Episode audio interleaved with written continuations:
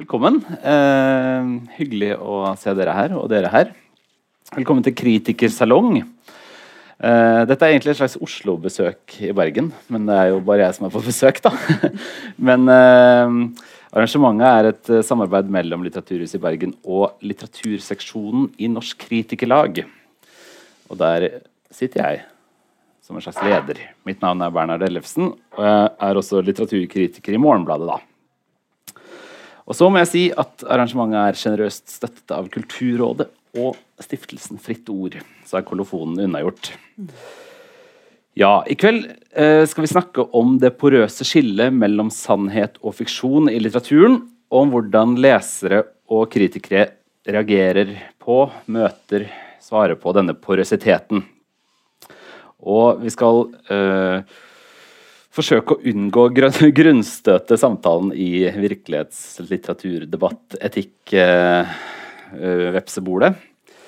Eh, de fleste av oss leser mange ulike typer litteratur. Romaner og reportasjer, poesi og populærvitenskap. Men spørsmålet er om det er vesensforskjeller i måtene vi lærer av og gleder oss over slike bøker på. Uh, og vi kan stille spørsmål som om det finnes noe bare romanen kan gi oss, osv. Mm. Uh, og vi kan stille spørsmål som om biografien om Julius, som jeg likte veldig godt, da, blir mindre sann av å være godt fortalt. Uh, sammen med her oppe så sitter Olaug Nilsen, som er uh, nyslått Brageprisvinner. Det er fristende å begynne der. Og det fortjener nesten en liten applaus. Gratulerer. Uh, Olaug er dramatiker og forfatter. Uh, hvis to seneste verk faktisk berører på helt ulike måter kveldens tematikk uh, Siden jeg spurte deg om du ville være med på dette, så har du skrevet slett et satirisk teaterstykke om virkelighetslitteraturen. Mm. Det passa jo som hånd i hanske, som det heter. Um, og borterst her, Eirik Vassenden, professor i nordisk litteratur, er det det det heter? Mm. Ja. Og kritikkhistoriker med encyklopedisk oversikt over uh, litteraturen som er relevant for oss i kveld. Og kan jeg føye til for min egen regning, og jeg skal prøve å tøyle det, et bergensk snakketøy der borte på enden. Uh, ja, selv om muligheten er til stede for at vi i løpet av kvelden kanskje opphever noen sjangerskiller eller skraper noen motsetninger, har jeg likevel tenkt at vi skal nærme oss kveldens problemstilling langs to atskilte spor. Først enkelt sagt romanens sannhet, og herunder virkelighetslitteraturproblematikken. Og del to sakprosaens litteraritet, hvis vi kan kalle det det. da. Men det kan vi konkretisere når vi kommer så langt. Ideen er jo at, at eh, romankunsten, som har vært mye diskutert det siste tiåret særlig, da, har gjort bruk av dokumentarisk materiale og stilt sine lesere overfor en del nye spørsmål, kan man få inntrykk av i hvert fall. Og at man i sakprosaen har uh, fått f.eks. mer litterært ambisiøse forfattere som forventer å bli lest litterært. Uh, men jeg tenkte vi kunne begynne i det konkrete, Olaug. Uh, kan, kan, du fortelle om teaterstykket du har skrevet? Ja, det kan jeg. Jeg, jeg holder på å fullføre redigeringa i disse dager. Og mm -hmm. skal snart få vite om eh, DNS faktisk vil sette det opp eller ikke. For jeg har vært husdramatiker på Den nasjonale scenen nå i to år, med det som mål at jeg skulle fullføre et stykke. Men eh, i uh, pressekonferansen om programmet for 2018 så var ikke stykket mitt nevnt, så jeg er litt sånn hm, hm, hm, Men jeg må bli ferdig først, da, før jeg kan ta, bli tatt en avgjør. avgjør. Men uh, men stykket handler om eh, forfatteren eh, Michelle Johnsen, som eh, eh, ikke har klart å skrive noe på ti år. Men som eh, i stykkets begynnelse da har eh, klart å fullføre en roman. som han sjøl kaller ei, en skilsmisseroman om Freddy Rikardson og Anna Hortensia. Eh, og så viser det seg da ganske tidlig at det har en del likskapstrekk med hans egen skilsmisse fra Sanna B. Hjort. Som er da et navn som gir visse virkelighetsassosiasjoner, men eh, personen i stykket ligner ikke på verken eh, Anne B. Hjort eller Vigdis Nei, Anne B. Ragde eller Vigdis Hjort. Eh, men eh, en annen sentral karakter i stykket er Oddlaug Nilstun, som eh, Eh, prøver å ha en vanlig jobb etter å ha hatt et sammenbrudd og eh, eh, og ikke ha fått og et offentlig sammenbrudd og et raserianfall etter ikke å ha fått stipend for å skrive roman. Så eh, Stykket handler jo da hvordan skal det gå med denne eh, virkelighetsromanen til Michelle Johnsen, og hvordan skal Oddlaug klare seg på en vanlig arbeidsplass. Og så utarter det derifra. Så, Eh, hvordan utarter det for den eh, virkelighetsforfatteren vår, da? Nei, han eh, Han prøver seg litt på Facebook, og det blir litt ball ut av det. Så jeg syns sjøl at dette har blitt veldig morsomt. Og så prøver jeg da å si noe om uh, Prøver da med å bruke Facebook til å prøve å få sagt noe om hva er det å si noe om andre, og når Eh, når er det greit å si noe andre, om andre, f.eks. der, da, i den, på den arenaen, og i virkeligheten på en scene og i romanen, og hva er forskjellen? Så selv om alle karakterene har veldig mange karakterbrister eh, i stykket, så eh, er det en del av replikkene som jeg tenker godt kunne kommet fra min egen munn. Altså. Ja. Så jeg prøver å få sagt litt flere enn én ting. Men eh, er virkelighetslitteratur en karakterbrist? Nei, det var ikke det jeg mente. Det var ikke det jeg mente. Eh, men det er vel mer måten de forholder seg til det på, og eh, hva de er ute etter. Og faktisk, altså at det er mer Det er nok mer hevn de er ute etter i alle situasjoner, enn egentlig å få sagt noe veldig allment viktig. Ja. Si en setning om Sanna B. Hjort også, da. Det, det, Ja, det, blir, man blir jo nysgjerrig på eh, Ja, eh, den som skjuler seg bak et sånt navn. I alle fall i romanen så har Anna Hortensia eh, eh, Altså, i, det blir avdekka at eh, eh, forskjellige sekvenser om Anna Nei, nå skal jeg Sanna B. Hjort hun har da eh, hatt suksess som billedkunstner i mange år, annet eh, med verket 'Mann uten penis'. Som, eh, som da blir eh, Det blir en del snakk om det verket i både romanen og i, eh, i stykkets virkelighet. Så jeg tenker at her ligger det veldig mye kjekt. Det høres ut som, eh, høres ut som ek, eh, ektemannen har noe å hevne, da, kanskje. Ja. Ja. Spørs det, altså. Eh, Men eh, hadde det ikke vært for det satiriske fernisset her, så kunne man jo tenkt at dette var en refleksjon over noe du allerede har skrevet, da. Men du har jo Jo da, men det er jo det òg. Ja. Det, det er. For det hva man sier om mennesker i romanen og utenfor, må jo ha vært et relevant spørsmål også da du skrev eh, romanen du her har liggende, Mm. Ja. Mm. 'Tung tids tale', som du vant Brageprisen for. Ja. Kan du si litt, litt om den samme problemstillingen der, hvor, hvor konteksten er en helt annen? Ja. Eh, jeg tenker jo at på mange måter så er konteksten mer alvorlig i den romanen fordi at jeg skriver om sønnen min som har autisme, og som ikke kan forsvare seg. Han kan ikke skrive noe svarroman, og han kan ikke uttale seg i avisa om eh, hva han syns om min framstilling, og det vil han sannsynligvis aldri kunne.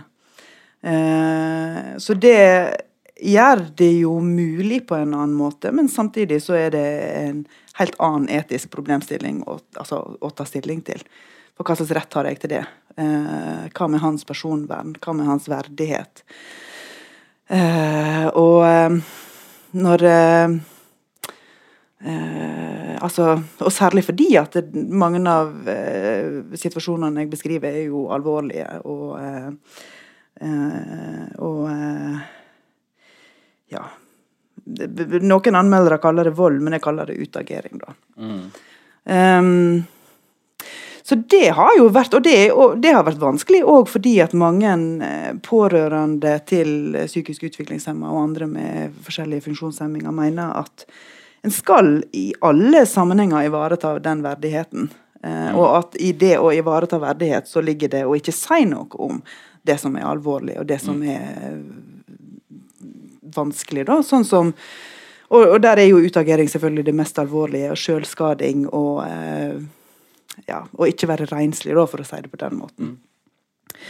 Men eh, Men vi støter jo på Men- fortellinger om, om det i journalistikken, f.eks. eksempel hele tiden. Mm. Ja. Eh, og dette spørsmålet har du jo fått eh, mange ganger allerede, selvfølgelig. Eh, men jeg tenker allikevel at kanskje konteksten for denne samtalen, da, som jo handler om hvordan vi leser det, og da blir det jo Mm. interessant fra forfatterens ståsted hva du har villet oppnå hos leseren da, ved å velge romanformen. For at Mm. Ja. eh, det, det kan man jo tenke at gjør valgene dine og materialet mer kontroversielt, på en måte. De, de etiske problemstillingene dukker ikke opp når A-magasinet beskriver Uh, mennesker med sykdommer eller, eller, problematiske liv på andre måter, eller Men altså i journalistikken og i reportasjer så er det jo ofte en De har jo strategier for å, å skrive det nøysomt og nennsomt fram, altså der det kanskje aldri blir direkte uttalt hva det dreier seg om, med mindre det er alvorlig. Altså, det har jo vært noen saker. For, for eksempel var det en sak der en vernepleier mista livet etter at en uh, psykisk utviklingshemma hadde ja, utagert. Da. Uh, og da skriver en jo det. Da skriver en jo det. Og uh, det har vært oppslag i, i Bergensavisene òg om at Tveiter og skole, som er spesialskolen der sønnen min går, at det, det er enormt mange sykemeldinger blant de ansatte pga. Um, at de blir, da står det på framsida at det er sparking, og at de blir sparka og slått og bitt. Står mm. det på framsida av BA. Uh, så, så, noe av det ligger jo òg i uh, rapporteringa. Uh, og mange er nok klar over at det er en del av problemstillinga i omsorgen for sy, altså, ja, psykisk utviklingshemma med atferdsproblem. Men når jeg skal skrive det som roman, så, så, tenker jeg jo både at jeg har mer mulighet til å brette det ut sant? og beskrive det i større altså Ikke bare som en faktaopplysning, slagbit, sant? Altså, men mer å faktisk utbrodere hva er det som skjer. Hvordan skjer det? Hvorfor skjer det, kanskje òg. Eh, og òg å klare gjennom eh, det litterære språket mest egentlig å vise fram hva slags følelser det skaper, og hva slags følelser det kommer fra. Uh, at det er lettere å nærme seg en uh, Ikke nødvendigvis en sannhet om autisme eller om Daniel, men en, men en sannhet om forholdet mellom uh, mor og barn, da, eller foreldre og et sånt barn. Gjennom å ja, kunne male ut både følelser og hendelser. Så hvis du tenker på henvendelsen til leserne, er det, mm. er det da liksom den, det som noen har kalt på en måte for litteraturens empatiteknologiske, eller i hvert fall empativekkende effekt? Liksom ja, det òg, men òg Men, eller, og, eh, men ikke bare det, tenker jeg. Eller, ja. det, for at uh, leseren vil jo uh, reagere annerledes mm. på å møte denne fortellingen i en roman enn i journalistikk. Det tror i hvert fall jeg. Det tror jeg òg. Uh, ja. Men hvordan? ikke det, kan jeg få bruke? Ja. Dette har jeg tenkt mye på når jeg har lest den, denne, denne, romanen også. Det er jo et radikalt annet blikk man bys her. Sant? Mm. Journalistikken rapporterer alltid utenfra. Eh, reporterens eh, formidlende stemme og, og gestikk, og, og, mm. og, på vegne av en leser. Sånn at disse tingene pakkes inn på en helt annen måte. Og de mm. gjøres tilgjengelige, og de gjøres også ja, sånn at De pakkes inn i featurejournalistikken ofte, hvis det er portrettekster eller sånne ting, da, med den klassiske eh, strukturen. Eh, mm med den sirkulære oppbyggingen og, og, på vei til familien som lever vanskelig. Og så får man se dette innblikket, da, gjerne med eh, si full erfaringsbredde. og sånne ting. Men så reiser alltid reporteren hjem igjen i eh, siste avsnitt, og så, mm. og så er historien over. Da. Mens her så bys man en, en helt annen en helt, annen, helt annen perspektiv. og, og og selvfølgelig også et, et, helt annet sinne enn det mm. den reporteren jo tross alt ikke kan formidle. Mm. Mm. Ja, det tror jeg mm, Ja, takk. Det, det har jeg nok òg tenkt at det er sånn det er. Og, det, og jeg har nok òg tenkt at jeg ville fortelle noe annet. Og at jeg syns at veldig mange av fortellingene som handler om å være foreldre til barn med så alvorlige funksjonshemminger, har at de òg har et eget narrativ. At det er liksom å, igjen å overvinne vanskelighetene og komme ut som et bedre menneske på den andre sida. Mens jeg beskriver jo en total utmattelse. Mm. Um, og mange av historiene har òg et sånt helteperspektiv, det, det, vil jeg virkelig utfordre. fordi at uh, jeg syns ikke det hjelper noen at foreldre skal måtte framstille seg sjøl som, uh, som helter, som liksom Slik gjorde jeg han frisk. Mm. Uh, slik trente vi han bedre. Slik fikk vi eh, Slik ble han frisk av autisme gjennom kostholdsendring. Mm. Altså, det er jo liksom sånne historier som vil bli presentert for, og det er det ønska narrativet. Det er det vi liker å lese. Sant? Altså, det er det vi liker å høre om. Og eh, eh det er en amerikansk eh, eh, ja, Det er historie om en amerikansk gutt som heter Owen, som, eh, som har autisme, og som hadde vel en del av den samme utviklingen, og mista språk på et tidspunkt. Og der han fikk det tilbake igjen gjennom uh, å se på Disney-filmer. Og lærte seg replikker fra Disney-filmer. Og så klarte de å liksom huke tak i det og utvikle det i, altså, sånn at han fikk tilbake igjen et slags språk. da. Eh, og det er jo en god historie. Og han faren sier det at 'jeg ville ikke ha fortalt det her hvis ikke det endte godt'. Det var veldig viktig for meg at vi skulle liksom komme gjennom det og komme ut på den andre sida, sånn at det kunne være ei historie til oppbygging. da. Eh, og jeg er veldig rørt av den historien og veldig opptatt av den historien. Uh, men samtidig så er jeg uenig i at det ikke kunne fortelles før de var kommet i mål. Og at det var det eneste målet å komme til. For jeg tenker at det jeg har prøvd å gjøre, er jo en sånn slags eh, dannelsesreise inn i aksept istedenfor uh, overvinnelse. Ja. Altså det, det som er Men, interessant, tenker jeg mm. da, er at det, sånn du snakker om det, da, så er det jo akkurat som litteraturen skal bli fortellingen motstand. Ikke sant? For Mm. fortellingen er jo det som tradisjonelt ender et sånt oppbyggelig Ja, ja. sted i altså Mm. klisjébildet av det å fortelle. Så litteraturen, og det, mm, Men også selvfølgelig noe vi forbinder med litteraturen som sådan. At den ordner ting inn i en fortelling. ja, men det syns jeg jo at jeg har gjort. Jeg syns jeg ordna det inn i en struktur. Og det òg er jo viktig sant? Altså for, at det, for leseligheten og henvendelsen. Eh, men jeg tenker vel at litteraturen eh, Altså at litteraturens måte tilbyr at det kan være flere perspektiv samtidig. At det kan være tvisynt. At det kan være at du kan gjennom teksten skjønne at her er det flere, her er det flere mulige tolkinger. Og her er ikke det sikkert at Olaug i romanen gjør allting rett. og her er ikke det, altså at en, en, en jeg tenker jo at leseren skal være tilbudt å dømme meg, sant? Altså, eller dømme Olaug i romanen. Og det er viktig. Noe annet, altså eh, eh, Mens om jeg skulle stille opp i en reportasje, så hadde jo kanskje ikke det vært like lett å få til, eller å få fram. Så ja. Ja, så hadde du fått en eh, A-magasin som alltid skal ha en tredjedel med sånn selvsagt forskning ja. i midten. Som, er, som skal ha eh, professorer til å fortelle eh, oss lesere det vi allerede vet i vitenskapelig språk. Det slipper man jo også.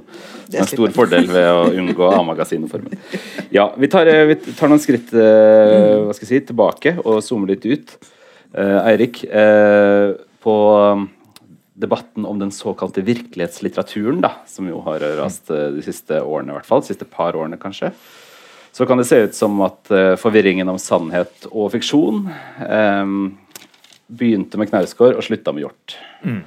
Så at det er en veldig kort historie, da. Veldig kort historie. Eh, men eh, sånn er det vel kanskje ikke. Eh, jeg lurte på om du, eh, om du har en slags sånn, et forslag til når den første virkelighetsdebatten i litteraturhistorien som du kjenner til, fant sted. Og det er altså den første diskusjonen om hva som er sant og hva som ikke er sant. Ja, og problemene ved det, og forvirringen. Og der, der, der den leserkontrakten, da, som mange åpenbart forutsetter at liksom gikk i oppløsning for syv år siden, kanskje allerede sto på spill. Der står, står ikke den på spill allerede når, eh, når eh, det greske publikummet sitter og hører på Odysseus sine løgnhistorier rundt, eh, rundt bålet. Liksom. Altså, det, det er klart at, det er klart Allerede at, Aristoteles. sant? Det er klart at dette er på en måte en del av litteraturens innvoller fra begynnelsen av. Da. Men, eh, men hvis man ser på det i, i moderne tid, og jeg satt i dag og prøvde å lage meg bare en sånn kjapp, helt, eh, helt eh, kort liste. Og, og ja, hvis vi i alle fall begynner der som så å si, leserkontraktene formelt sett etableres, altså der forfattere får en slags selvsagt eiendomsrett til det de skriver, og sensuren forsvinner, og det blir lov til å skrive ting i offentligheten, så er vi på 1700-tallet. Da har man en slags sånn da har man en slags, eh, en slags sånn formell, formalisering da, av eh, noen av disse tingene som vi her snakker om. Eh, altså For meg så et av, et av de stedene der det i hvert fall er interessant å begynne å diskutere dette, eh, kan være resepsjonen av, av disse didaktiske romanene som kommer på, på århundrets begynnelse. Altså Swift, Holberg, Defoe, eh, sånne ting. Eh, og Der det var vanskelig for leseren å vite helt hva det var de sto overfor. Defoe ga ut Robinson Crusoe, så ble den jo først gitt ut med Crusoe som forfatter. Ja, for der er det gjort mange grep for å få det til å se ut som det er. Som en autentisk, eh, en autentisk reisereportasje. Eh, sant? Eh, og så får man da vite noen år senere at den jo ikke er det, da. Eh? Eh, og, og tilsvarende for så vidt også med Swift, med Gullivers reiser. Det er kanskje litt mindre av en autentisk reise, reise, reisereportasje, da. Eh, for, for eh, det er klart at på 1726 da den kom ut, så var jo verden såpass oppdaget at man visste at det fantes ikke et land med lilleputter og et land med kjemper. og og et land Ja, det er kanskje ikke sikkert i de to siste, to siste historiene, som ikke alle kjenner, i hvert fall, i hvert fall som ikke er med i barnebokversjonene. Da reiser han ut til et land som heter Laputa, eh, og så til et land som heter ja, hva det heter eh, Der hoimene bor. Altså, ja. Du klarte å si det. Jeg klarer aldri å si hva hest, det, de hest. Det er en hestelyd. Ja. Det, det er det landet der eh, Med veldig mange hår i navnet. Ja, er det. Men Laputa er kanskje det stedet som er mest tettest på en slags virkelighetslitterær eh, eh beskrivelse. for og, folk hatet han jo for dette. altså Kritikken hans kritikken han fikk, var jo, var jo ekstremt eh, stram. da. Og, ja, Hvordan da? Nei, altså for det, første så, for det første så er det jo alltid et spørsmål om hva og særlig på 1700-tallet, kanskje hva allegorien innebærer. Når han skriver en slags allegorisk beskrivelse av, en, lager en allegorisk beskrivelse av et land der menneske, de menneskelignende skapningene er noen sånn apeskikkelser som bor i trærne og bæsjer på alle som går forbi. Eh, mens de kloke, eh, filosofisk anlagte vesenene er hester. Eh, så er det vanskelig å vite om man faktisk kan, om man mener at mennesker er dyr. Som er en radikal ting å mene på i 1726. Ikke så radikalt i dag, kanskje, men uh, det, det, er én ting. da. Også når han er i dette landet Lapota, så blir han jo vist rundt på universitetet. Det er sånn som alltid er litt morsomt å for universitetsprofessorer å, å, å, lese. da. Men det blir vist, vist, rundt på universitetet, og så får han se en, en mengde med sånne helt absurde fag som de underviser i. Uh, Eh, ingen av våre fag er absurde, selvfølgelig. Eh, blant annet et, et, sånt, et sånt, kammer med, med, underlige oppfinnelser. Eh, en maskin som produserer mat fra bæsj og en del sånne ting som dette. Eh, det som da er interessant med, med, akkurat den skildringen, er at alle disse eksemplene er hentet fra samtidens England. Eh, den maskinen som produserer mat fra bæsj, den, den ble forsøkt patentert eh, rundt 17, 1700. Sånne ting. Og, der, da, da ser jo leserne at han også da skriver om i framtiden. Og, og, og, eh, akkurat grenseoppgangene der, altså hvilken verden er det han skildrer? Er det mm. vår verden, eller er det en annen verden? Det lager en sånn helt, helt sånn fundamental uklarhet, selv om det på et slags overflatisk nivå da er selvfølgelig radikalt mm. urealistisk. For Der, ja, der kommer det til syne vi har den lille overskriften for dette arrangementet er eh, poetisk eh, virkeligheten er stoffet litteraturen veves av. Det er jo noe som liksom etableres aktivt da, mm. av de første forfatterne i den romansjangeren vi kjenner. Hvis vi spoler um, eh, 150 år fremover, så er det jo en annen side ved litteraturens uh, sannhet da, som kanskje kommer enda tydeligere frem. Og det er jo uh, altså sann, virkelige forelegg ja. for karakterer ja. i litterære verk. Ja, levende modeller. Levende modeller. Ja, det er jo en viktig har vært en viktig diskusjon i vår tid, og har på en måte alltid vært en viktig diskusjon. sant? Uh, og hva det, altså hva det, innebærer for de som da blir brukt som levende modeller. Laura Kieler, som var det biografiske forelegget for Ibsens Nora-skikkelse, sies jo å ha fått sitt liv spolert av eh, og hele tiden skulle bli, bli assosiert med, med, denne forestillingen om ja, en, en, ny, altså en ny måte å, å, å opptre på, eller å, hele tiden bli limt fast da, mm. til det, alt rabalderet rundt Ibsen. Alt rabalderet rundt dette. Uh, eh, Hans Jegers fra Kristiania-bohemen er også et sånt sånn, også et klassisk skandalisert eksempel på, uh, på noe av det samme. Da, og, og, allerede på det tidspunktet når den kommer ut sånn på, på 1880-tallet, så, så, har man jo etablert slags, et slags vokabular for å håndtere dette. Altså kritikerne, og Særlig de kvinnelige kritikerne i, i tidsskrift som Nylende og, og, og kritiker som Mathilde Schjøtt skriver satirisk om Hans Jæger og, og, beskriver det han holder på med her egentlig som bare en form for sånn sensasjonspreget eh, jakt på berømmelse. Mm. Eh, han er den seneste boulevardløven som egentlig bare viser bruser med fjæren og gjør dette for å lage skandale. Altså Da tar man ikke det alvorlig, da. Ja, ja for det skandaløse, hva, det, hva tenker du om det, Olaug? Det har jo liksom vært eh, det, når, når, eh, virkelighetsdebatten har dukket opp eh, de siste årene, i hvert fall, da, så har jeg tenkt at de var så mye slemme, slemmere før. da, Og at alle visste jo hvem disse virkelig levende modellene var. Mm. Da var jo litteraturen et, et, et våpen, da. Mm. Ja. Øh, ja. Og det kan det vel være. Men eh, nå har det jo det har snudd seg helt. Men hvis jeg skal si noe om, om akkurat det i forhold til min bok, så tenkte jeg jo en del på Eh, for én ting er jo å følge med i virkelighetsdebatten og hva, hva, som blir diskutert om hva en kan tillate seg og ikke. Eh, der, da, overfor sine venner og kjente. og eh, og da har det jo f.eks. blitt sagt at ja, en kan fritt skrive om sine foreldre, men en skal ikke skrive om sine barn. Og så har jo jeg gjort akkurat det. og så har jeg jo òg tenkt på andre former for eksponering som har blitt vanligere, både altså gjennom sosiale medier, men òg gjennom TV-program. At en Altså Eh, hvem kunne tenke seg for eh, fem eller ti år siden at Terje Søviknes skulle poste et bilde av seg sjøl liggende i sykehussenga med hårete bein stikkende ut fra, for, å liksom, for, å dokumentere at han var på sykehus, han var syk. Mm. Altså, det har jo skjedd noe. De grensene er flytta. Veldig valgt eksempel med akkurat Terje Søviknes. Ja, det var det for så vidt, kanskje. Men, men, men, jeg tenkte egentlig ikke først og fremst på han. For det er jo også eh, foreldre som dokumenterer sine barns sykdom, og som dokumenterer det i full offentlighet. Og eh, et kjent eksempel er en far som skrev om sin kreftsyke datter, og som eh, dokumenterte på bloggen dødsøyeblikket, mm. og som skrev bok om det etterpå. Eh, og det òg er jo noe som eh, blir problematisert og blir diskutert. og da handler det jo om ungene sitt personvern, og hva er foreldrenes behov da egentlig? Er det å, eh, å få sympati for sin sorg? Altså at mange skal følge med og sende hjerter og klemmer osv.? Eller er det, altså, hva, hva, er, hva, er, poenget med å fortelle de historiene?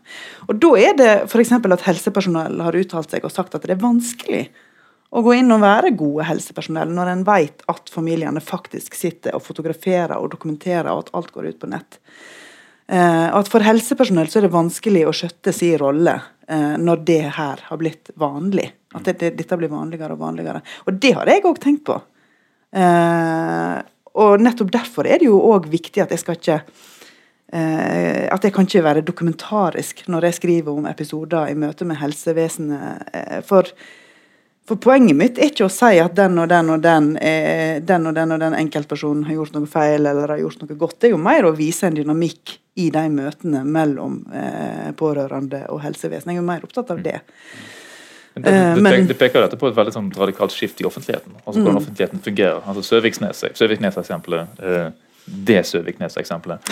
Eh, handler kanskje, altså, det handler kanskje om noe som for, for la oss si bare ti år siden, eller i alle fall 15 år siden, ville vært eh, sett på som ustrategisk. Sant? Fordi det ville handle om å bevare verdighet eller, eller hva. Sant? Mens, mens det, det, det snudd, Den båten har jo forlatt det, ja, altså den, det er mulig den, den båten forlot kaien der Per Borten eh, eh, klippet gress i underbukse. Eh, det er veldig lenge siden. Men, men det snur helt på hodet. Nå, det, nå, handler det så å si om å vise sårbarhet og om å eksponere de sidene der. Eh, ja. Men, men, det, betyr også, da, f.eks. i møte med institusjoner som er pålagt eh, taushetsplikt av, helt, av spesifikke spesifikke grunner, at de, eh, altså deres versjoner blir enda mer tause. Ja. Rett og slett fordi at alt det andre eh, tar plass. Mm. Og blir større og blir oppblåst. Altså, og en pårørende sin historie vil alltid være mer emosjonell mm. enn en helse, enn en legehistorie. Mm. Det, det, er jeg jo klar over. Jeg, jeg, tenker at når, Hvis vi ser på liksom det, det 20. århundrets uh, hva skal jeg si, litterær behandling av dokumentarisk materiale på ulikt vis, da, så kan man kanskje snakke om grovt sett et skille likevel, da, selv om det er et veldig nyansert felt. Eh, der en altså Rundt det moderne gjennombruddet for eksempel, så foregår jo mye offentlig debatt gjennom karikering av gjenkjennelige personer i offentligheten. ikke sant? Mm. Mens med Einar Mykles beste romaner eksempel, så flyttes jo uh, de levende modellene inn i privatsfæren. da, Um, og det er vel kanskje et slags uh, skifte. Uh, altså at det er, jo, det er noe annet å skrive om uh, Morgenbladets mektige, svært mektige redaktør Christian Friele da, mm. i en skjønnlitterær tekst mm. enn å skrive om kjærestene sine i, mm. i Bergen. da. Helt, av, helt avgjort. Og Der har vi jo et slags resepsjonsproblem når det gjelder akkurat Mykle. Sant? fordi at mm. skandalen handler jo om det. Det handler om levende modell, det handler ikke om sex i romanen. Det er bare tull. Mm, mm. Eh, altså Allerede samtidskritikken som, som skriver om Mykle, eh, eh, forstår jo det. Altså de, mm. Særlig de bergenske kritikerne. Eh, de skriver sånne ting som at eh, eh, disse sexskildringene Mykle holder på med, de bare kjeder oss. Altså Her er han minst ti år for seint ute, og dette er gjort mm. før. og det, det, er helt uinteressant. Det som derimot er problemet, er eksponeringen av borgerskapets døtre. Mm. Og, og, mer eller mindre kjente.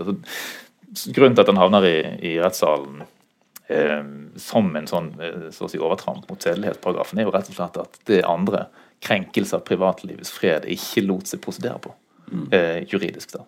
Så, så det, det, er disse levende modellene som er den Det, det det som overtramper. Mm. ikke at han strøk henne over beverpelsen. Eh. For det hadde de altså lest i, i eh, eh. De hadde lest det i god tid i forveien og visste Ja. akkurat hva det handlet om. Men eh, hva, hva, hva, tenk, hva tenker vi at det gjorde med, med lesningen, da? Altså når, når, eh, når romanen da tar den veien, ikke sant, og, og ikke, ikke utleverer et allerede kjent kunstnermiljø hvor alle på en eller annen måte er med på det konseptuelle, som i Christiania Bohemen, da. Eller som er offentlige aktører som må regne med å bli driti ut. Mm. Men når det blir eh, privatpersoner som har vært så uheldige å krysse en eh, forfatters vei en eh, lørdagskveld i Bergen by, da. Hva, hva, hva skjer med liksom, romanrommet da? Eh, Jeg kan ønske jeg svare? Det, Nei, altså, det, det, jo, det, åpnes jo opp en eh, en slags revne der som Altså, det øyeblikket eh, blikket eh, ikke beveger Altså blikket, så å si, forfatterblikket, eh, fortellerblikket, ikke beveger seg i Eller ikke er i øyehøyde, da. Eller, eller oppover. Eh, sånn som, som Hamsun i redaktørlyng og sånne ting. Så. Eh, men, men rett og slett bare de som tilfeldigvis eh, krysser hans vei. De som tilfeldigvis havner i hans eller hennes seng eh, og havner i en roman. Da, da åpnes det opp en, en, en annen type hva skal man si, personverndiskusjon, Mm. som kunsten jo aldri tar hensyn til. Sant? Aldri har tatt eh, altså Når det gjelder kunstneriske eh, hensyn, så, så, så er jo kunsten på en måte hensynsløs. Den har pleid å være det, og den, den blir det på en helt annen måte. Men, men, eh, Men altså for meg som leser, Ja. f.eks. når det gjelder Mykle eh, jeg tenker jo, altså det, det er jo helt uinteressant for meg som leser av Mykle i dag å vite at det var ekte personer. Det, er, altså, det er gode romaner. Og, og, og selv om jeg kjenner mange forfattere, og det hender at jeg tenker at jeg kjenner igjen sekvenser, eh, eller eh, Så det er jo ikke det jeg leser etter. Det er ikke derfor jeg leser. Eh, Men det er jo annerledes å være omtalt og, eh, og forholde seg til det. Det er jo eh, de personene det gjelder, som, som lider under det. Jeg var jo for eksempel eh, litt sur på Karl Ove Knausgård når jeg var utelatt både fra eh, Biskops Arne og Vagantredaksjonen. Men eh, Så det er jo en annen side av det, det, saken. det er det aller verste. Det, er, det, det verste er jo tross alt ikke å bli gjort til litteratur. Det er jo å bli Men det er klart, utelatt altså, men, fra men, scenene. men, der, men igjen så handler det jo altså Jeg tenker jo at dette handler jo Det handler jo om hvordan en gjør det. Ja, ja. Og hvis en klarer å, å, å løfte det til et annet nivå, så, så betyr det lite. Altså, jeg tror ikke jeg hadde Men jeg, jeg, jeg drister meg til motsatt påstand. Da. Jeg vil si at det betyr mye, og ofte i positiv retning. Da. Eh, fordi at eh, For meg så står denne eh, liksom, vendingen mot det, de nære det nære levde livet da, som en form for sånn romantisk intensivering av romanen, egentlig. Eh, ofte så syns jeg at romaner hvor man får fornemmelsen av at nettopp dette har skjedd, da, at noen omsetter sine umiddelbare erfaringer, sånn som hos i Saul Bellows Herzog, f.eks., hvor det er helt opplagt at det er hans egne erfaringer, og hvor eh, jo også eh, biografier og sånn avslører at personene er lett gjenkjennelige for de i hans bekjentskapskrets, da, som vet hvem det er. Så blir det ofte Det brenner mer, da, rett og slett. Eh, det, det skjer noe med teksten, og det, det ser man jo kanskje særlig hos uh, forfattere som Knausgård, eksempel, som får jo den, den veldig sånn bekjennende, nære verden da, til å leve som litteratur, får man følelsen av fordi det står så mye på spill. Liksom. Det, noe, det, det skjer noe, syns jeg, med lesningen, men for meg ofte i positiv retning. Vi kan, vi, vi, vi, før, vi, før vi kom inn, så var vi inne på et eksempel hvor det, som jo er annen, en annen type reaksjon, da, hvor det kan bli litt vanskelig å lese fordi virkeligheten tar litteraturens plass. F.eks. Hanne Ørstaviks to romaner, hvor Nils Rune Langeland helt mm. tydelig er den mannlige eh, antagonisten, kan vi vel si, og hvor det er litt vanskelig å fri seg fra det der bildet av Langeland som brøler inn i Dagbladet-fotografens eh, kamera. da. Men, men stort sett da, så syns jeg det liksom står for en eller annen form for intensivering på, le, på le, lesersiden, liksom. At det føles sant, tenker du da? Eller at Det føles at viktig. ja. Det, det finnes jo flere varianter der. Sant? Altså bare hos eh, profilfolkene så finnes det jo to mm, måte radikalt ulike varianter. Jan Erik Vold sin koseprat med venner. Med Koseprat med Kjell, eller koseprat med de forskjellige vennene som bor på de ulike adressene som, som oppgis da i f.eks. i Mor gode hjerter. Der, eh, der diktene driver ifra, ifra kamerat til kamerat, eh, nærmest. Eller, men, men, altså på en litt annen og mer, tenker jeg da, radikal eller, eller, eller pro problematiserende måte hos Einar Økland. Uh, i, i, hans altså amatøralbum, f.eks., som, som jo er en familiealbum. Uh, som, som, med fotoer av familiemedlemmer, og, og, og den der vanskelige relasjonen til, til, en far og til et farssted eller til et hjemsted. Uh, som, som, av en dansk kritiker ble omtalt da i, i 1967, var det han kom ut, eh, som en hensynsløs offentliggjøring av personlig og privat stoff. Han skulle bare visst. Det var Dansken. Men, han er, men altså, han, er, han er, veldig tidlig, og, og syns å gjøre det da også med en, en, helt annen og mye mer sånn sårbar eh, eh, åpenhet enn det vold For, for voldsbruk eller tillemping av en sånn måte å, å, å skrive om, om, den nære verden på, er jo eh, jeg kan si at den er ufarlig, men den er jo ganske hyggelig. Mm. Um, mm. Et, altså jeg kan jo si, altså Når jeg bestemte meg for å bruke mitt eget og Daniel sitt navn i boka eh, For jeg var inne på når, altså, i den vekslinga i diskusjonen med både forlaget og med NFF, som er altså Norsk um, faglitterær, faglitterær forfatterforening, som jeg hadde fått stipend fra for å skrive nettopp dokumentarer. Jeg hadde skrevet en lang prosjektskisse òg.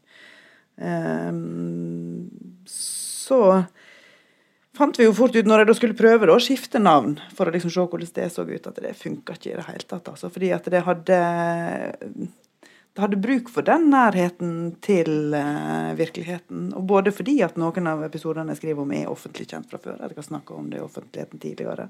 Men òg fordi at hvis boka skulle ha en politisk konsekvens som jeg ønsket at den skulle ha, så, så, kunne, ikke, så, så kunne, ikke, jeg fjerne den såpass fra altså Da måtte jeg jo stå for at den hadde solid rot i virkeligheten. Mm -hmm. Så sånn sett Altså Det hadde jo stått mindre på spill hvis jeg skulle gå ut og markedsføre det som nei, dette er roman, alt er fiksjon. Altså, mm. um, så ja, jo da. Um, men, men, jeg syns ikke at det er en nødvendighet. Um, jeg tenker at I visse tilfeller, hvis, at, en, uh, hvis at det er ekstreme erfaringer, så må en jo nesten tro på at uh, forfatteren har en slags befatning eller en erfaring som gjør vedkommende i stand til å mm. skrive intenst om det. Liksom, jeg, jeg, jeg, holder meg med en, sånn der, en slags eh, forventningskontrakt da, som lesekontrakten. Jeg prøver å tenke på disse tingene. Mm. Og det, Den er ganske pragmatisk, da. Uh, og den gjelder jo aller høyeste grad din bok, f.eks. Det vil være at de, altså sannheten da, uh, i romanen er viktig i de tilfellene hvor vi ville blitt veldig skuffa og tenkt at romanen var veldig mye dårligere mm. hvis vi fant ut at det var uh, fiksjon. Mm. At det var dikta opp. Ja. Uh, og det, det, er jo en reell uh, forventning, f.eks. For i møte med din bok, da, at hvis det viser seg at du ikke har en sønn da, mm. ja, ja. ikke sant? Med, ja. i den situasjonen, mm. så, så, kollapser jo hele teksten. Og der, eh, der da, da, da, er det i hvert fall ikke noe likhetstegn mellom roman og fiksjon, f.eks. Og som kritiker så vil jeg da liksom ha det, det, er jo ikke noe man engang uttaler, da. Mm. Men det er jo en klar forventning. Og det gjelder jo egentlig ganske mange av uh, romanene som, og hvor det er helt hvor det, det, løser seg helt pragmatisk, hvert fall, tenker jeg som leser. da Hvilke detaljer jeg har liksom, forståelse for at det er uh, dikta opp eller konsentrert eller gitt en annen mm. form. Mm. Sånn som vi snakket om uh, også før vi gikk inn her, Edvard Louise Voldens historie. ikke sant? Mm. Der er det jo en del av boka som altså det, det kjenner sikkert den.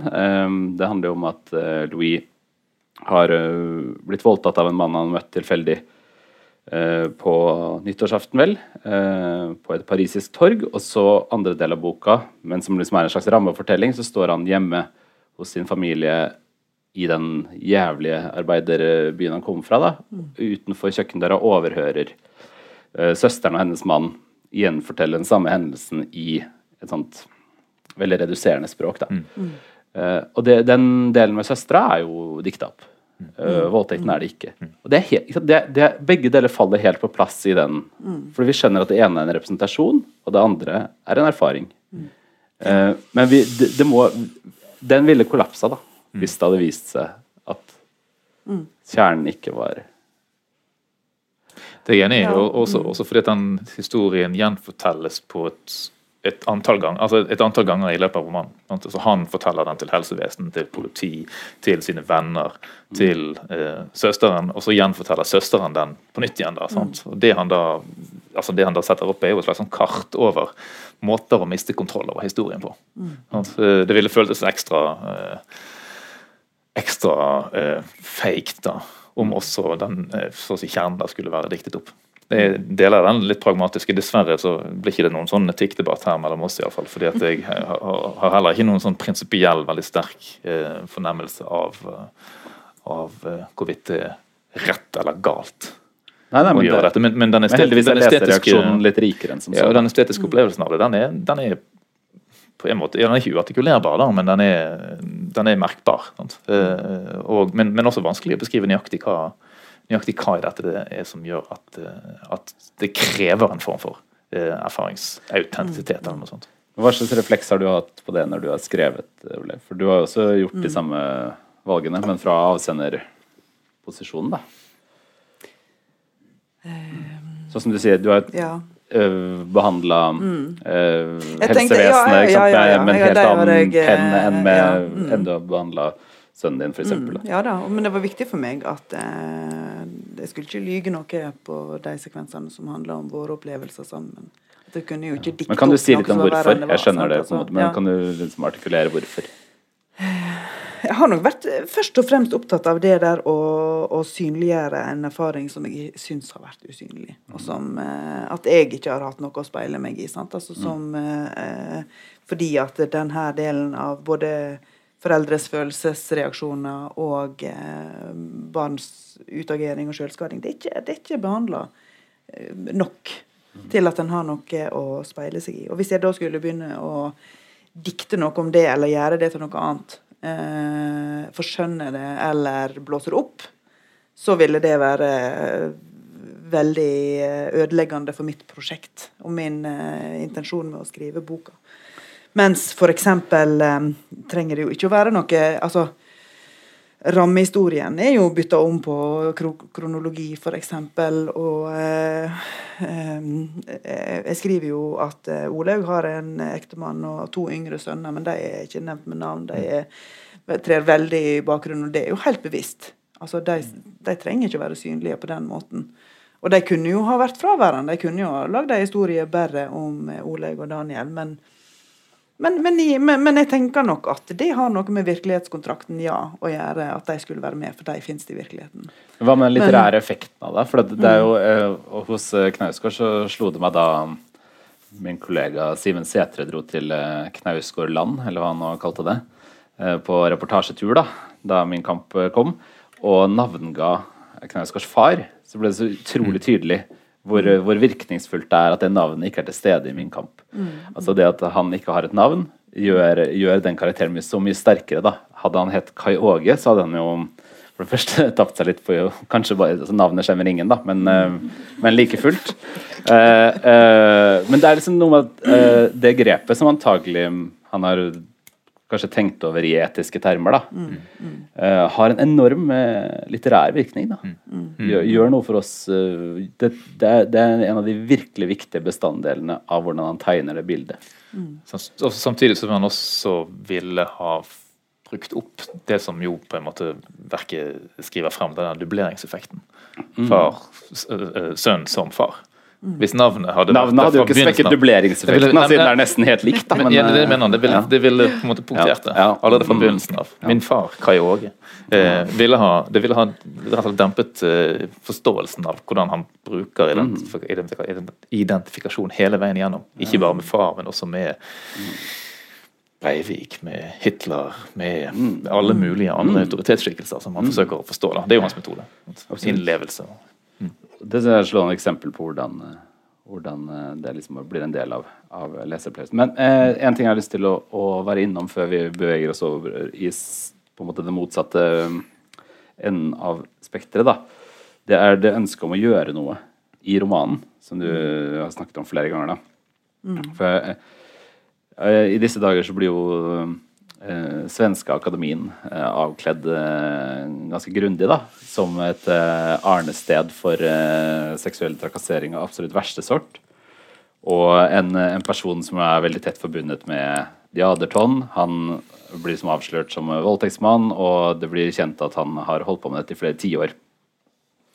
Uh, og det har vært oppe før. Uh, men en, en, av de som jeg har lest om den saken, et av de liksom, ordentlige forsøkene på å oute han fyren, da. Uh, det kom i en roman fra 2007 av Maja Lundgren som heter 'Myggor og tigrar', hvor hun skriver om denne personen. Han navngir han og forteller at han er en tafser, og forteller at hans kone, som jo da Ja, det kan jeg vel si. Hun er da en av de Aderton, da beskriver deres ekteskap eh, veldig sånn nedlatende og antyder at hun er medvirkende til hans overskridelser osv. Og, den bare flapp. Mm. Ingenting, da. Åpenbart, eh, når man leser resepsjonen, at romanformen da har fratatt den, liksom, det forsøket mm. på å, å intervenere da, kraft. Og Det slo meg som interessant når jeg leste det. Og jeg tenker litt på det om, om, om om fallgruvene også, da. Ved å mm. forsøke å liksom gjøre noe med den dokumentariske romanen, da. Ja, altså øh, ja. For, det, for det, på andre siden, da, i uh, diskusjonen om Hjorts arv og miljø, så har man jo anklaget henne for å gjemme seg bak romanen. Og Det er også basert på det samme bildet av romanen som et eller annet form for sånn forsvar, eller egentlig en, en et sånn ufarlighetssone, da, om man kan mm. putte ting ja, inn, og så blir det ja. ufarlig. Og så kan en uh, gjemme seg Ja da, ja, ja, ja, ja. Og det er jo et viktig poeng, sant. Altså om, om uh, og, og, jeg tenkte at det var viktig for meg at jeg skulle stå for at, at det var sant, da, eller at det, var, at det ikke mm. Men Var du bekymra altså, for at det var en myk, en myk form, liksom? Mm. til et hardt formål?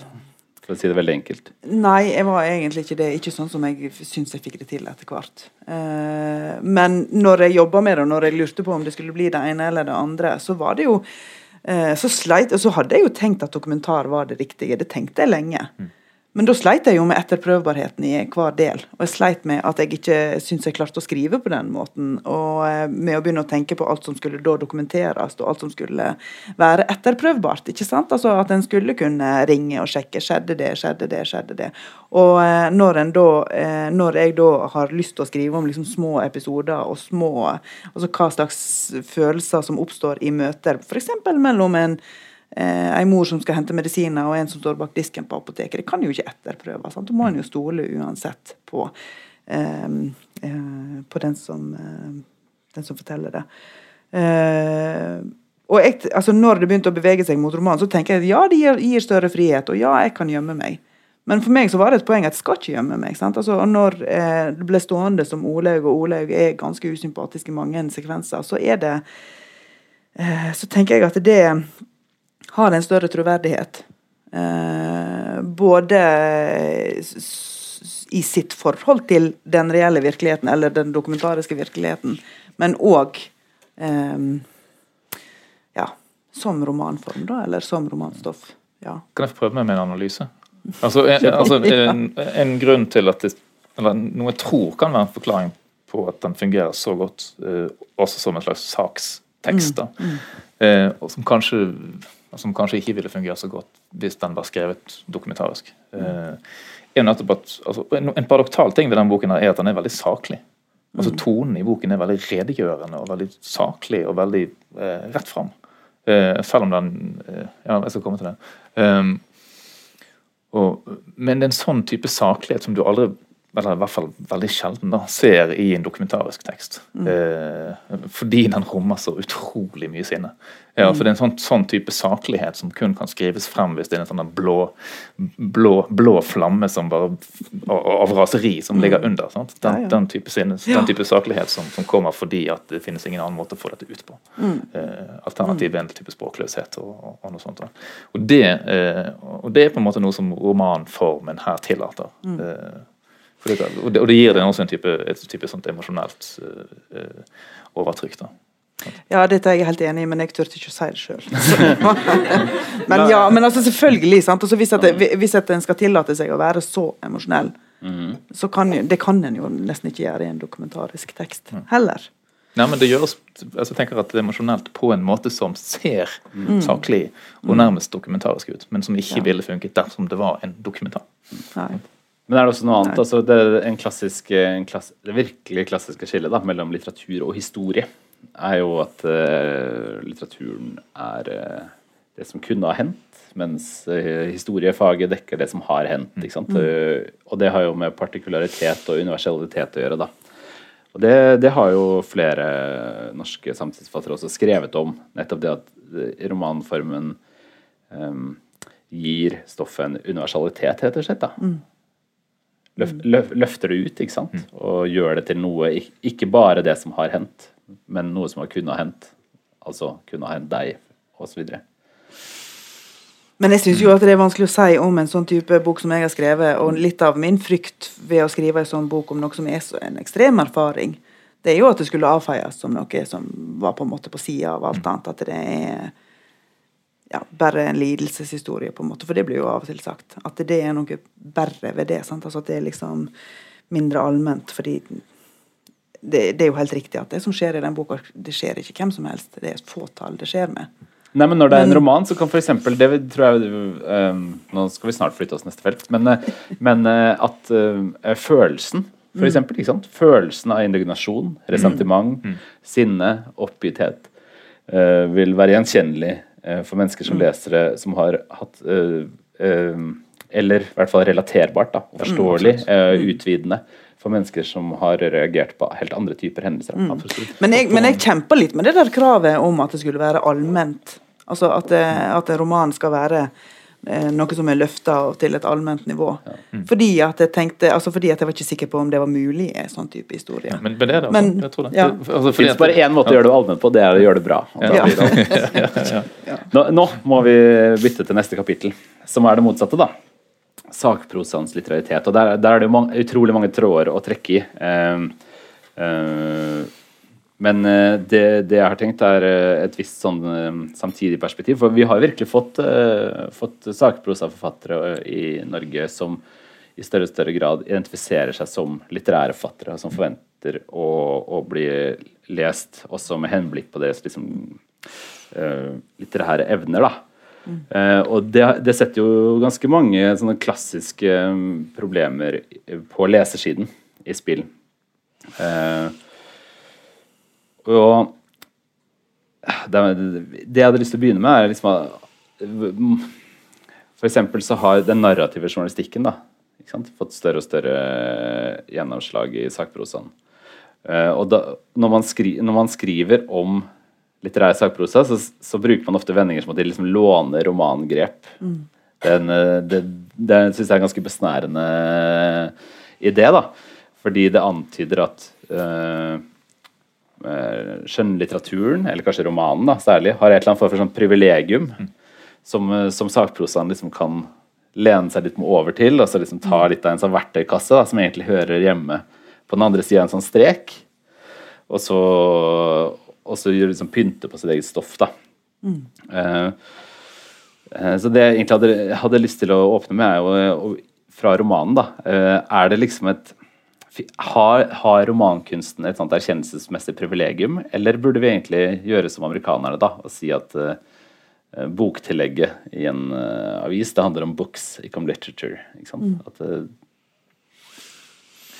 det finnes iallfall en, en ganske kraftfull falanks på forskningssiden som mener at litteraturen har hatt sitt privilegium, privilegium i fred altfor lenge og det er nå på tide at vi slutter å snakke om eh, poetokratiet. Altså mm. en term som Ernst Sars laget for eh, over 100 år siden. Um, og at vi dermed må slutte å bry oss om skjønnlitteraturen og se på den som et opphøyd sted. Vi må slutte å lese skjønnlitteratur, egentlig, også i mm. skolen. Vi kan bare lese tekster. Mm. Ja. Så det er en sånn diskusjon som allerede pågår på et litt annet nivå. kanskje Men, men, men, men um, det, du karikerer det jo veldig, da. Og litt. når du karikerer det så mye, så er jeg enig med deg, da. Men jeg, jeg, føler i stadig sterkere grad at, at um, sjangeren på det jeg leser, da, er mindre relevant. At de, de øyeåpne avsnittene, de, de empatiske øyeblikkene, de, de, beskrivelsene som vrir på noe og gjør det, ser noe fra en helt annen kant, kan finnes i ulike steder. Og kom i tanke på dette når vi snakket om din bok eh, innledningsvis, Ole. At jeg, så Politikken eh, hadde en reportasje om en gutt som var døvstum. Mm. Og den uh, reportasjen må jeg innrømme at jeg ikke leste. Men de hadde en, en, en fotojournalistisk, helt fantastisk uh, sånn, uh, et, et, fotojournalistisk arbeid. da. Politikken er veldig god på fotojournalistikk. Som var fem minutter langt. og som fulgte den gutten da, i noen helt hverdagslige situasjoner. Mm. Og jeg ser ingenting egentlig som, liksom, som den, den lille fotojournalistiske stykket arbeid da, ikke gjorde. da mm. av liksom tankearbeid og, og, blikk og Det hadde all mulig spørrekraft, da, som Jan mm. Kjærstad eh, ville kalt det. Mm. Mm. Det blir veldig vanskelig å tenke seg de der Når man går konkret ned på det å behandle temaer, så blir det vanskelig å se for seg at en sjanger skulle kunne ha et eller annet for, for sånn privilegium, da. Mm. Eh, eller privilegert tilgang til det. Ja, men det tenker jeg jo det, det, er jo det er jeg jo enig i. Og jeg har et annet eksempel på en sånn fotoreportasje òg med et eh, funksjonshemma barn. Ehm, det var film, da. Eh, I en sekvens av en sånn liten dokumentarfilm om ei eh, mor med to funksjonshemma barn og en baby som var frisk. da, Så sitter hun og holder babyen, og så kommer den ene eh, funksjonshemma og vil bort og vil bort og forstår ikke at hun blir avvist. da, Og så må hun dytte og dytte og dytte for at ungen ikke skal komme og skade babyen. da. Det er jo altså, Bare en sånn sekvens er, mm. Den er litt rar. Altså, ja, det tenker jeg at den er. Mm. Eh, og det er jo en foto, fotograf som har fanga og forstått viktigheten av og forstått eh, sprengkraften i en sånn liten sekvens. Mm. Så klart, ja. ja.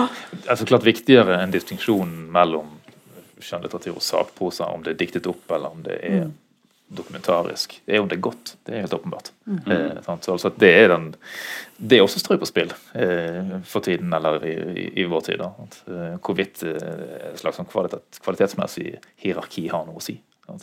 Eh, for oss så er det jo helt selvsagt. Eh, men i den diskusjonen som jeg refererte til i sted, så er det jo det som er problemet. Når man så å si flater ut og fjerner distinksjonen. Forskjellen er at man, noen vil gjøre alt til sak, og noen vil gjøre alt til litteratur. Ja, ja, ja. Men um, altså det Sakprosaen, da, eller som er et ord jeg hater, det syns jeg er et helt forferdelig ord, men uh, dokumentarlitteratur uh, har jo en for, forpliktelse på virkeligheten. Mm. Ikke sant? Den må være sann, da. Ja.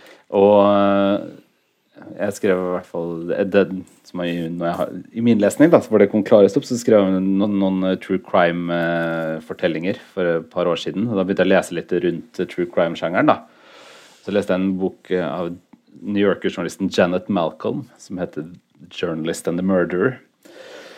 Eh, hvor hun liksom, Den ble skrevet på slutten av 80-tallet, men har blitt sånn journalistikkpensum. da. Og den, Der går hun eh, noen sånne true crime-fortellinger fra sin samtid etter i sømmene. Og der gjør hun seg noen gode observasjoner. da, F.eks. at journalisten jo er, er på en måte prisgitt eh, den protagonisten. De er overlevert av virkeligheten. da. Ikke sant? Eh, som eh, enten da bør være en helt fabelaktig protagonist, og det er det jo aldri, for virkeligheten har ikke så gode protagonister som fiksjonen stort sett har. I hvert fall ytterst ytterst sjelden.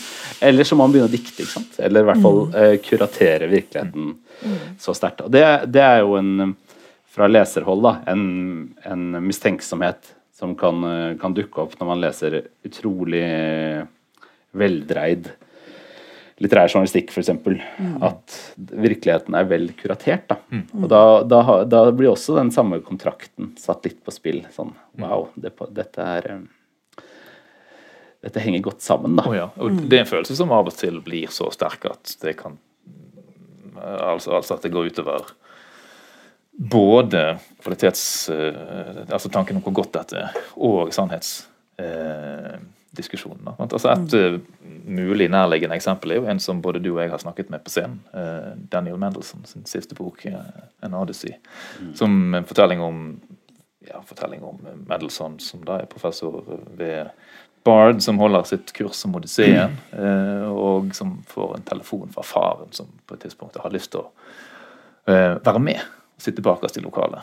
Og så blir det da en fortelling om far og sønn og en problematisk far-sønn-relasjon som mm trekkes, fortelles frem på litt forskjellige måter, og gjennom et veldig sånn veldreid, snedig narrativ. Og så ender det med en slags Altså, faren dør mot slutten av romanen, men det er likevel en form for happy i alle fall en forsoning, da. Nesten happy ending, i den grad det kan bli happy ending i et sånt narrativ. Men det er en forsoning med en far som, som har vært, vært, fraværende i hans tidligere bøker, som også har handlet om familien og sånne ting. Men da eh, kritiske vurderinger av den boken, som ikke egentlig er så mange av. Eh, Mm. Preben Jordal eh, er den suverent mest kritiske. Men hans, boken var så uheldig å passere Preben Jordals skrivebord på et tidspunkt. eh, men hans vurdering eh, peker på noe som jeg for så vidt kjente på da jeg leste den. Eh, nemlig at den er så velformet at man nesten ikke kan tro at, eh, at tingene så å si porsjonerte seg ut på den måten som de gjorde i denne fortellingen. Da. Og, og forsoningen med far når man snakker litt med han bak scenen, så kommer det frem at den er mer hardt tilkjempet enn det den fremstår innenfor narrativet. Altså, så det, det, det er veldig elegant og veldig flott. eh, Fin tekst, men, men, men også så utrolig godt skrevet at man ikke tror det er sant. Mm. Altså, det er et slags, eh, et slags paradoks. Men det er jo også i, i altså det, det, det dukker opp hybride sjangere også, da. Og som den jo egentlig melder seg litt på, for det er jo en memoarbok. Det er jo ikke primært litteraturkritikk eller sånn, det er en memoarbok. Det er jo en, en, en sjanger midt imellom, hvor igjen en sånn pragmatisk lesekontrakt gjennomstår, da. En, en, en bok som kommer til å bli sånn interessant case study på dette, er jo Linn Ullmanns uh, seneste roman, som nesten helt garantert kommer til å få en annen sjangerbetegnelse når den eh, utgis i USA. Eh, her er den en roman, eh, og det, det er nok ikke bare innkjøpsordningen, men også Linn Ullmanns selvforståelse som romanforfatter. da. Men i USA kommer den jo garantert vil jeg tro, til å bli utgitt som memoar. da. Ja, hvordan eh, Tror du den vil bli lest annerledes da, Olaug? Når den får den påstanden om sannhet? Et, eh, ja. Eh, jeg hørte Hun sa i et intervju her i Norge òg at vi ikke bruker den sjangerbenevnelsen i Norge, og at den nok had, kunne ha gått under det. Sant? Så, så, eh, eh, og det er ei bok um, for et par år siden som ble gitt ut som memoar, og som den første jeg har sett, der ei som heter Marita Hansen skrev om eh, kjæresten sitt dødsfall og, og bearbeidelse av følelser i etterkant av det. Og den ble gitt ut som memoar. Uh, og jeg var òg inne på tanken på å bruke memoarsjangen. Men altså, den er jo Den òg føles litt sånn ullen og vag, og nettopp kanskje fordi den ikke er tatt i bruk. Men det som du beskriver om Mendelssohn, høres jo ut som det. ikke sant? Altså At en aksepterer at det er forma. Eh, men at en likevel har en sannhetskontrakt i det.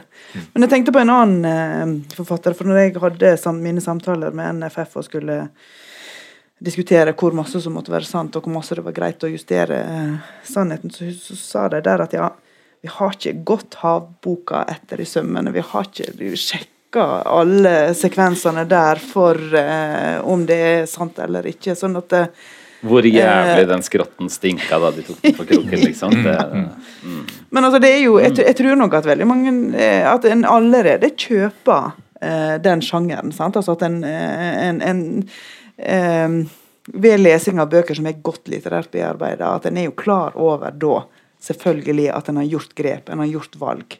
Eh, og at en litterær bearbeidelse i seg sjøl innebærer faktisk å velge vekk. Og kanskje i noen tilfeller òg å endre kronologi for å få det til å henge på greip som en historie. Og det er forskjell på en dokumentarbok, altså en portrettbok eksempel, har jo ikke nødvendigvis en kildeliste bakerst. eh, det er jo andre eh, krav til etterprøvbarhet i ulike sakprosasjangere òg. Men, men, Men, der, har eh, vi, der har vi jo ikke noe forlagsvesen som egentlig tar den oppgaven sin så alvorlig som Mm. sydamerikanske, da, som har faktasjekkere på hver minste detalj. Mm. Etter essayene Knausgård inn i det var New Yorker, eller hva det var, der han også skriver eh, så vidt litt om broren sin. Da ble Yngve, da ble Yngve, kunne Yngve fortelle at han ble han blitt ringt opp av faktasjekkerne for å høre om det faktisk skjedde akkurat det. Om Karl Ove sa det til han på det tidspunktet, på den måten akkurat der. Og det driver de, det driver de i omfattende stor stil. sant? De har store, stor, Men det er jo bra. Ja, selvfølgelig kjempebra, Men norske forlag, gjør det, norske forlag gjør det i forsvinnende liten grad, og dermed så bidrar de jo heller ikke egentlig til å opprettholde den distinksjonen. Eller til å vite egentlig hvordan de skulle kunne ettergå. Det mangler noe sånt metodisk her også. Hvordan skulle de kunne ettergå havboka eh, hvis, hvis de ville? Det går jo ikke de an. Det går ikke. Det er jo, men den er jo likevel et verdifullt verk. Sant? Både som eh, kunnskap, altså en kan hente kunnskap, og en kan lese det som, som litteratur. Altså som Mm. en eh, litterær opplevelse. Men når, når, når kollapser kontrakten der, da? Altså Jeff Dyer, for eksempel, da, den britiske kulturkritikeren og Sisten, eh, han, eh, han eh, dikter jo åpenbart fritt, og han iscenesetter jo den diktningen. Men, eh, men så sier han også at da han skrev eh, ja, nå husker jeg ikke helt hvilken bok, men en bok han snakket om, da tok han ikke fullt så mye knark da, eh, som, eh, som han hadde gjort før i livet. Eh, og det, det var ganske skuffende. Eh, at, det var, at det var skryt, da. Eh, så det, det, er jo en sånn det er, også mener med at det er en sånn eh, pragmatisk kontrakt. da, Eller et mye mer um, eklatant eksempel vil være nobelprisvinner Svetlana Aleksejevitsj. Mm. Hvis kildearbeid jo er fullstendig umulig å ettergå i sømmene. Mm. Eh, og er selvfølgelig det, det, vi forstår, da, igjen, som liksom um, oppmerksomme lesere, er at hun har redigert lange samtaler eh, mm. kraftig ned. Mm. Men vi vet jo ikke der, der, der, føler jeg på en genuin usikkerhet da, mm. i møte med de tekstene. Hva er, er, er, det sagt? Er en samtale som har foregått over, over, flere møter gjennom over lang tid, konsentrert ned til halvannen side med veldig pregnante setninger. Mm. Hva, hvordan representerer det det som er sagt i intervjuet? Um, der synes jeg, Og hun kaller det jo selv romaner, mm. i noe som det er vanskelig å tolke som noe annet enn en, en åpenbar defensiv gest i møte med, mm. med, den amerikanske kulturen for faktasjekking og en annen type journalistisk tradisjon. da. Mm. mm. Ja, nei, og det gjelder, det gjelder, en del tekster som, som krever disse uh, dramatiserende grepene. Da, at, uh, og, eller som dramatiserer uten å si at de dramatiserer. Uh, eller sånn type indirekte. Altså, jeg tenkte på, tenker for eksempel på, på Åsne Seierstad sine bøker, mm. som jo ja, Hvis man går og leter etter de bokhandleren, som jeg da har gjort for et par dager siden, så står de jo ikke under romaner. Eh, heller ikke under romaner pocket, som de kanskje kunne gjort fordi de har solgt så enormt mye. Mm. Eh, ikke under biografi og ikke under eh, dokumentar, men de står i en sånn egenkonstruert hylle som heter Samfunn. Eh, der det står også står en del andre debattbøker og sånne ting. Da. Mm. Begge de to siste, både En av oss og disse to søstre-bøkene, står der. Og, og, og, En av oss åpner jo som om det skulle vært en actionroman fra Utøya. Mm. Med øyenvitneskildringer og deltakende observasjoner. Og ja, men Åpner den som en actionbok, eller åpner den som en roman? Altså en god roman? Ja. Fordi at det, det, som er interessant med Seierstad, da, hvis man tenker at det å fortelle sant, i romanform det har en som, som Steve Sem Sandberg, den svenske forfatteren som har skrevet om holocaust, har påpekt. Da. Han er veldig opptatt av forskjellen på det å være historiker mm. eller journalist, da, som han jo også har vært, eh, og å være mm, romanfatter. Han sier at historikerens blikk på Woods-gettoen, som han skriver om i De fattige Woods, det handler om eh, historiens da. Det som skjedde, og det vet vi jo hva var. Vi har, vi har full oversikt over Woods-gettoens skjebne og den konteksten den inngikk i. Men det han er interessert i, er, er nået for de menneskene som var der. Og det nået er jo uten en avklart fremtid. Så han skriver jo da ut en, eh, en utrolig problematisk eh, moralsk skikkelse, som er da jødeeldsten i gettoen som heter Rumkowski.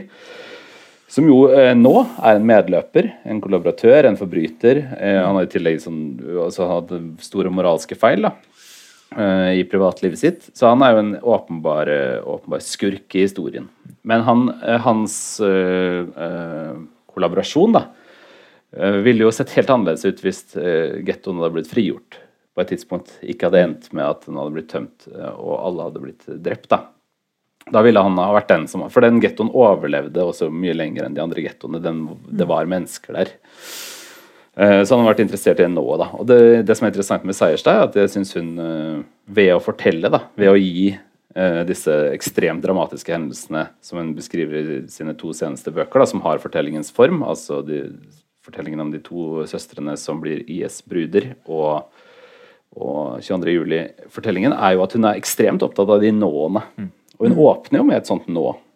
For det mm. nået på Utøya er jo hva hvis politiet kommer før, f.eks. Mm.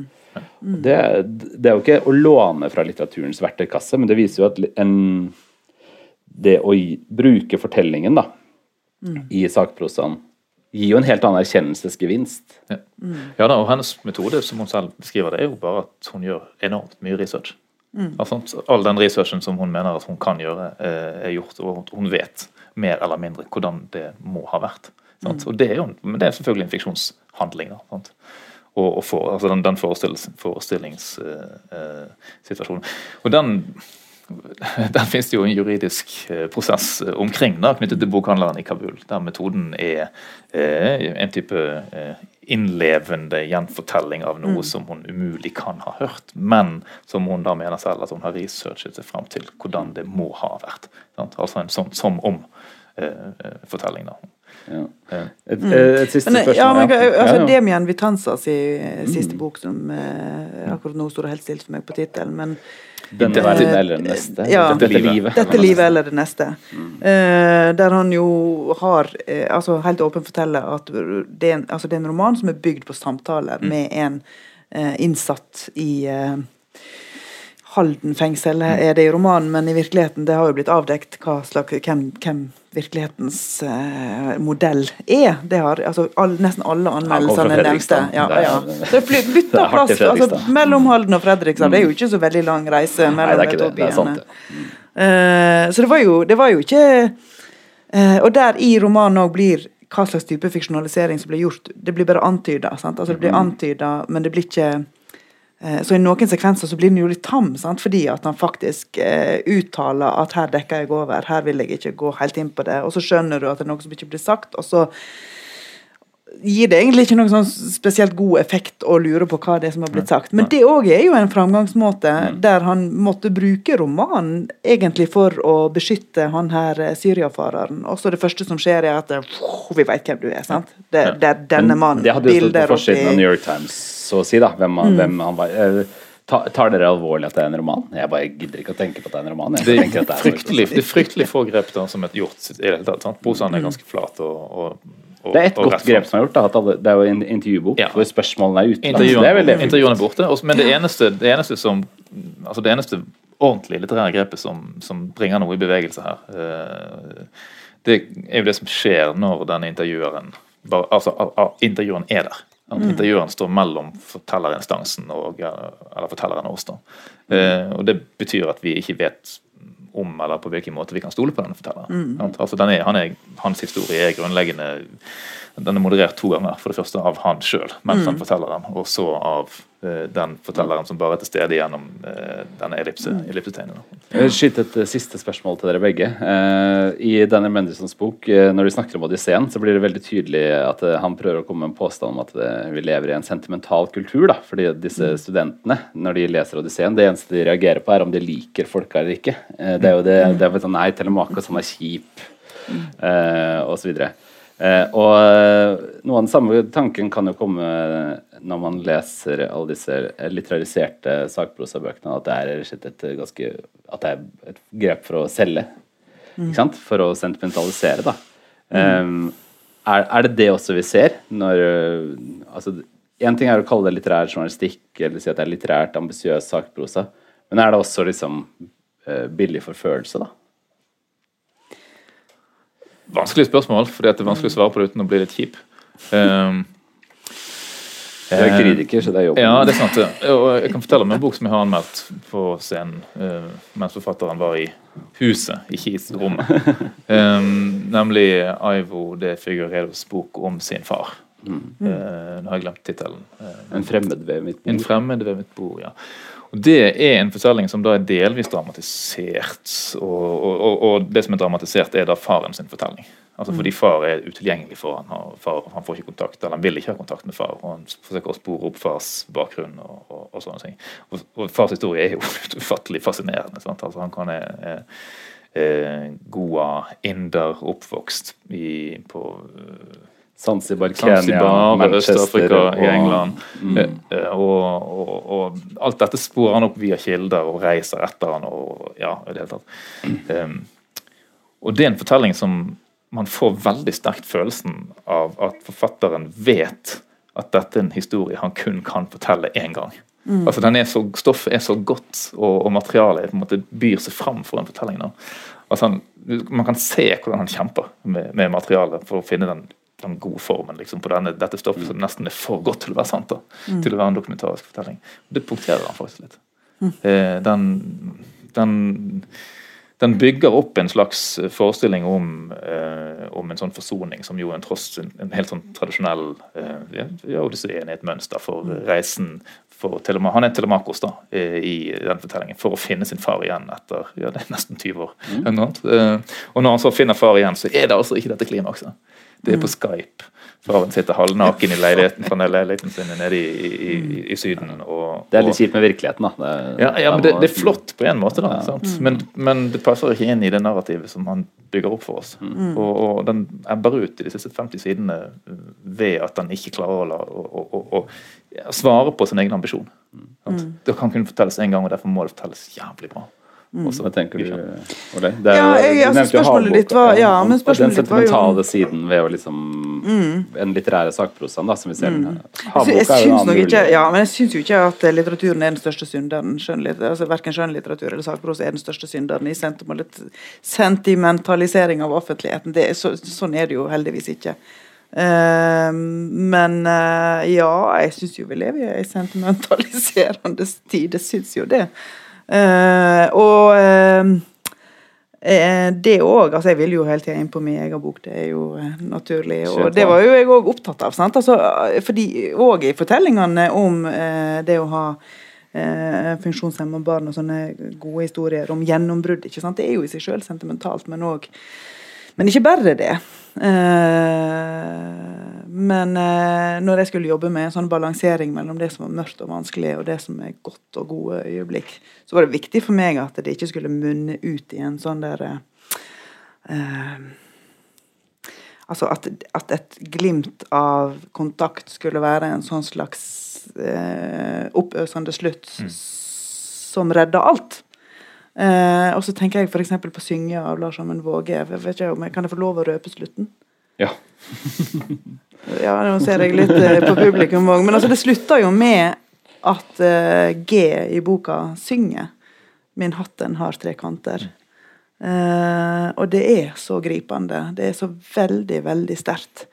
Eh, men det er jo òg diskutabelt. Sant? Altså, hva er, hva er, er den slutten et enkeltgrep, eller er den et genialt grep? Sant? Fordi at den sangen 'Min hatt den har tre kanter', sunget av en 37 år gammel kvinne, det er jo det sier jo litt Ja, ikke sant?